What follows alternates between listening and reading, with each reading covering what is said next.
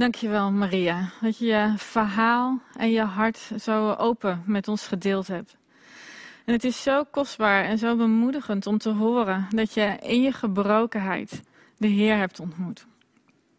Dat je nieuwe kracht hebt gekregen toen je Hem zocht. En dat je nieuwe dromen hebt ontvangen toen je je hoop op Hem stelde en op Hem wachtte. En we zegenen je met meer van die kracht en met meer dromen. Het verhaal van Maria staat niet op zichzelf. Het is een verhaal wat al eeuwen verteld wordt. En het is een verhaal wat een andere Maria 2000 jaar eerder ook heeft meegemaakt. Volgens uh, Johannes was Maria uit Magdala de eerste die Jezus na zijn opstanding zag. En ze had hem gezien en ze rende naar, haar, naar de leerlingen van Jezus toe en ze zei: Ik heb de Heer gezien. En deze woorden moeten echt ongelooflijk hebben geklonken in de oren van de leerlingen. Dit kon niet waar zijn. Hoe dan? Hier spreekt Maria. Zij stond toch aan, het voet, aan de voet van het kruis. Zij heeft Jezus toch zien lijden, zien sterven. En hier staat zij voor, hem, voor hen en zegt ze: Jongens, ik heb de Heer gezien. Vol enthousiasme, vol blijdschap, overtuigd van wat ze gezien heeft. Misschien ook wel in verwarring van wat ze gezien heeft en onder de indruk van wat ze net heeft meegemaakt. We hebben net het verhaal al helemaal gehoord van uh, Pauline en Suzanne. Ik lees nog een klein stukje uit Johannes 20 vanaf vers 11. Maria stond nog bij het graf en huilde. Huilend boog ze zich naar het graf. En daar zag ze twee engelen in witte kleren zitten. Eén bij het hoofdeind en één bij het voeteneind van de plek waar het lichaam van Jezus had gelegen. Waarom huil je? vroegen ze haar. Ze zei: Ze hebben mijn Heer weggehaald en ik weet niet waar ze hem neer hebben gelegd. Na deze woorden keek ze om en zag ze Jezus staan, maar ze herkende hem niet. Ze wist niet dat het Jezus was. Waarom huil je? vroeg Jezus. Wie zoek je? Maria dacht dat het de tuinman was en zei: Als u hem weg hebt gehaald, vertel me dan waar u hem hebt neergelegd, dan kan ik hem meenemen.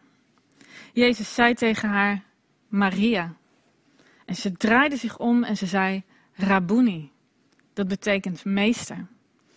Houd me niet vast, zei Jezus. Ik ben nog niet opgestegen naar de Vader. Ga naar mijn broers en zussen en zeg tegen hen dat ik opstijg naar mijn Vader, die ook jullie Vader is naar mijn God, die ook jullie God is. Maria uit Magdala ging naar de leerlingen en zei tegen hen: Ik heb de Heer gezien. En ze vertelde alles wat hij tegen haar gezegd was, had. Kun je je Maria voorstellen? Zij hield van Jezus. En ze was vol verdriet en helemaal verslagen. En ze gaat op weg om te rouwklagen bij het graf en om zijn lichaam te verzorgen om hem de laatste eer te bewijzen. Haar Heer, haar redder, degene op wie zij al haar hoop had gevestigd. Hij was gestorven. Alleen zijn lichaam was nog over. En dan komt ze bij het graf en dan ziet ze dat de grote steen die, die, die daar was geplaatst om het graf af te sluiten, dat die weg was. En de enige conclusie die zij op dat moment kan trekken is: iemand heeft het lichaam weggehaald. Wie zou nou zoiets doen? Alles wat ze nog van hem had, was weg. Niets meer om zich aan vast te houden. Niets meer wat, wat ze aan hem herinnert. Ze stond met lege handen. Hoe moet dat voor haar geweest zijn? Ze durft misschien niet verder te kijken in het graf en ze rent terug. En je zou je kunnen voorstellen dat ze bijna in een soort van paniek terugrent naar Simon, Petrus en Johannes. Johannes die zichzelf hier aanduidt als de andere leerling die Jezus lief had. Ze hebben de Heer uit het graf gehaald en we weten niet waar ze hem hebben neergelegd. En de mannen gaan met haar, terug, met haar mee terug naar het graf. Petrus en Johannes die gaan iets verder. Zij kijken het graf in. En daar zien ze de doeken liggen. De doeken die om het lichaam van Jezus gebonden waren. En het doek dat over zijn gezicht gelegd was maar dat lag op een andere plek en dat lag netjes opgevouwen. Eigenlijk het bewijs dat het niet zo was dat iemand het lichaam had meegenomen. Want die zouden de doeken niet zo netjes hebben neergelegd. Die zou daar niet de tijd voor hebben genomen. En dan begint er bij Petrus en Johannes een kwartje te vallen. Nu begint bij hun geloof te ontkiemen. En ze gaan terug naar huis. Hoe zou die weg terug naar huis geweest zijn? Zou hoop echt begonnen te groeien? Of zouden ze heen en weer geslingerd worden tussen hoop en verwarring? Daar wordt eigenlijk niet zo heel veel over gezegd. Maar wat er wel staat, is dat Maria bij het graf blijft. Maria blijft bij het graf en ze huilt. Er lijkt bij haar nog niet echt sprake te, van hoop of geloof te zijn. Ze is verdrietig over de dood van Jezus, omdat het lichaam weg is. En misschien is ze ook wel in verwarring. En nu bedenkt ook zij om verder onderzoek te doen. En ze kijkt nog eens goed. Ze kijkt het graf in. Ze kijkt het geopende graf in en ze ziet daar iets heel bijzonders. Iets wat Petrus en Johannes niet gezien hebben. Ze ziet twee engelen zitten. Maar of ze zich dat helemaal realiseert, dat is de vraag. De bedoeling en de betekenis van hun aanwezigheid in het graf lijkt nog niet helemaal tot haar door te dringen. De engelen vragen haar: Waarom huil je? En ze geeft antwoord alsof ze tegen gewone mensen praat. En opnieuw geeft ze woorden aan haar verdriet en aan haar emoties. Alleen waar ze eerst in de wijvorm sprak, spreekt ze nu in de ik-vorm. Ze hebben mijn Heer weggehaald. En ik weet niet waar ze hem hebben neergelegd. En misschien was het dat ze toen achter, achter zich iets hoorde, of dat ze een schim zag bewegen achter zich, maar ze draaide zich om. Ze keerde zich af van het graf waar ze dacht haar Heer te vinden, en ze ziet daar iemand staan. En met haar betraande ogen ziet ze niet helemaal wie het is. Ze denkt dat het tuinman is.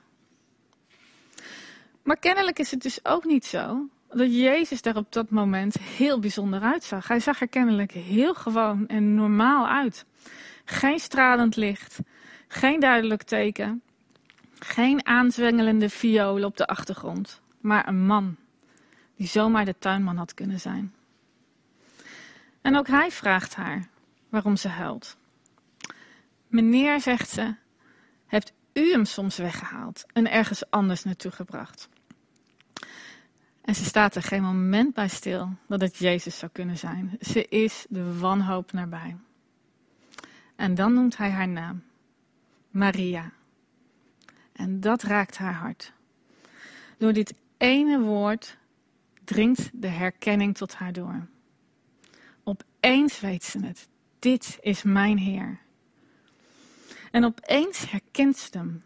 Want dat was ook wat Jezus had gezegd. De schapen zullen naar mijn stem luisteren.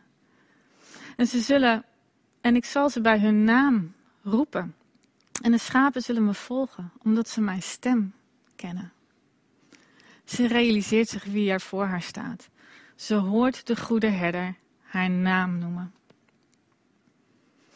En opnieuw komen haar gevoelens, die totaal veranderd zijn nu, tot uiting in haar woorden. Rabuni, zegt ze. Meester.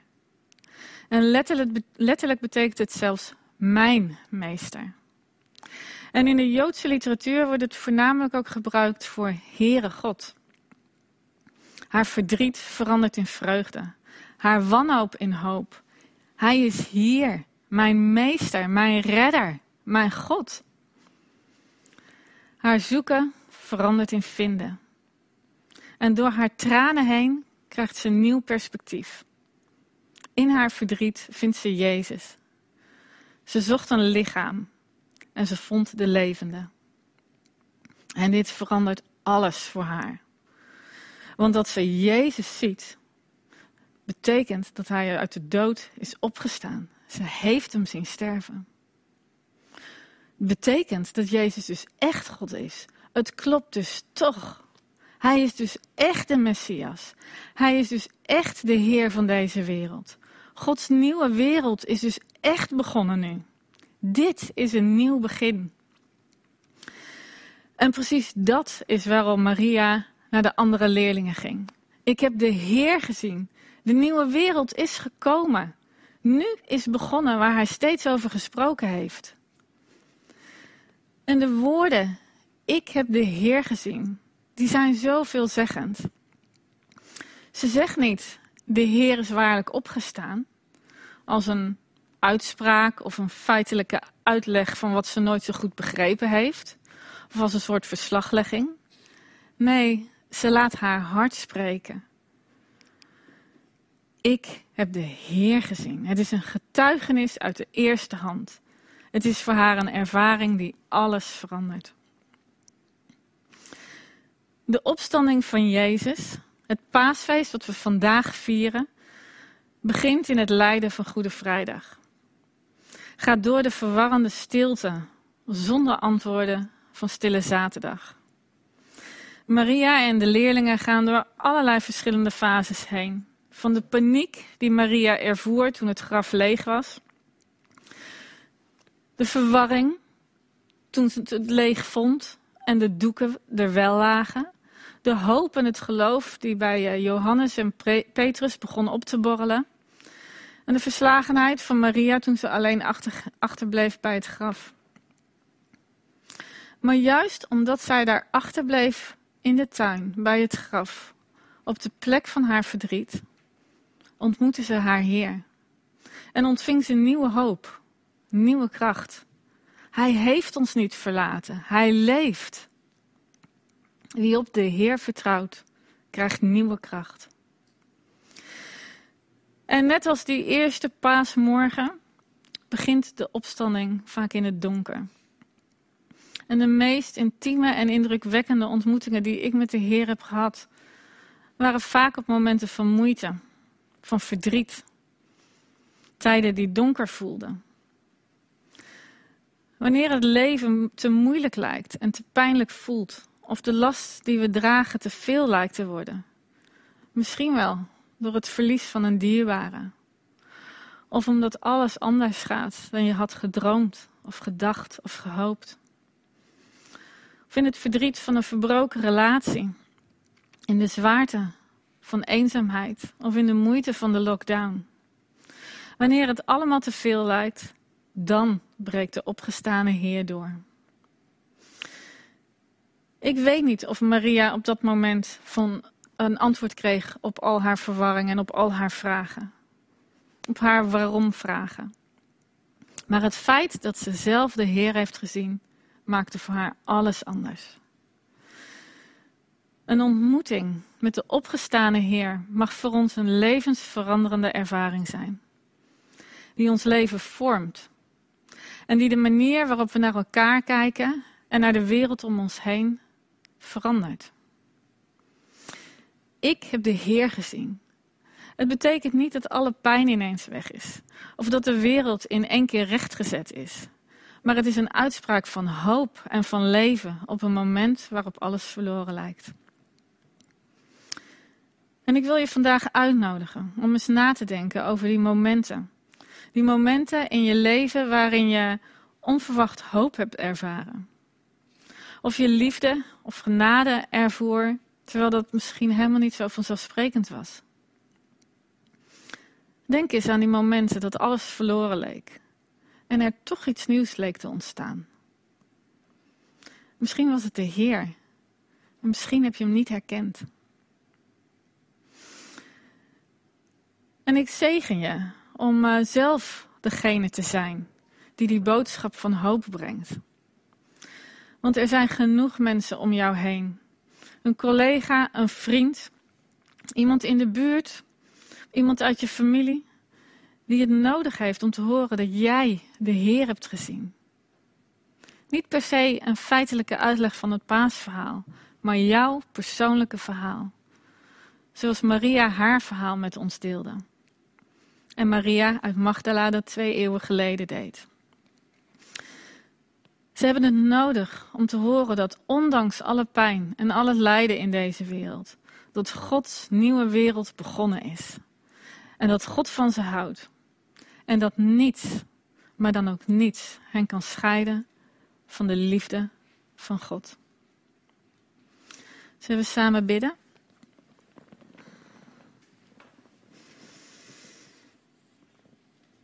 Heer Jezus, dank u wel voor de weg die u bent gegaan van Goede Vrijdag en stille zaterdag en naar de opstanding van deze paasdag.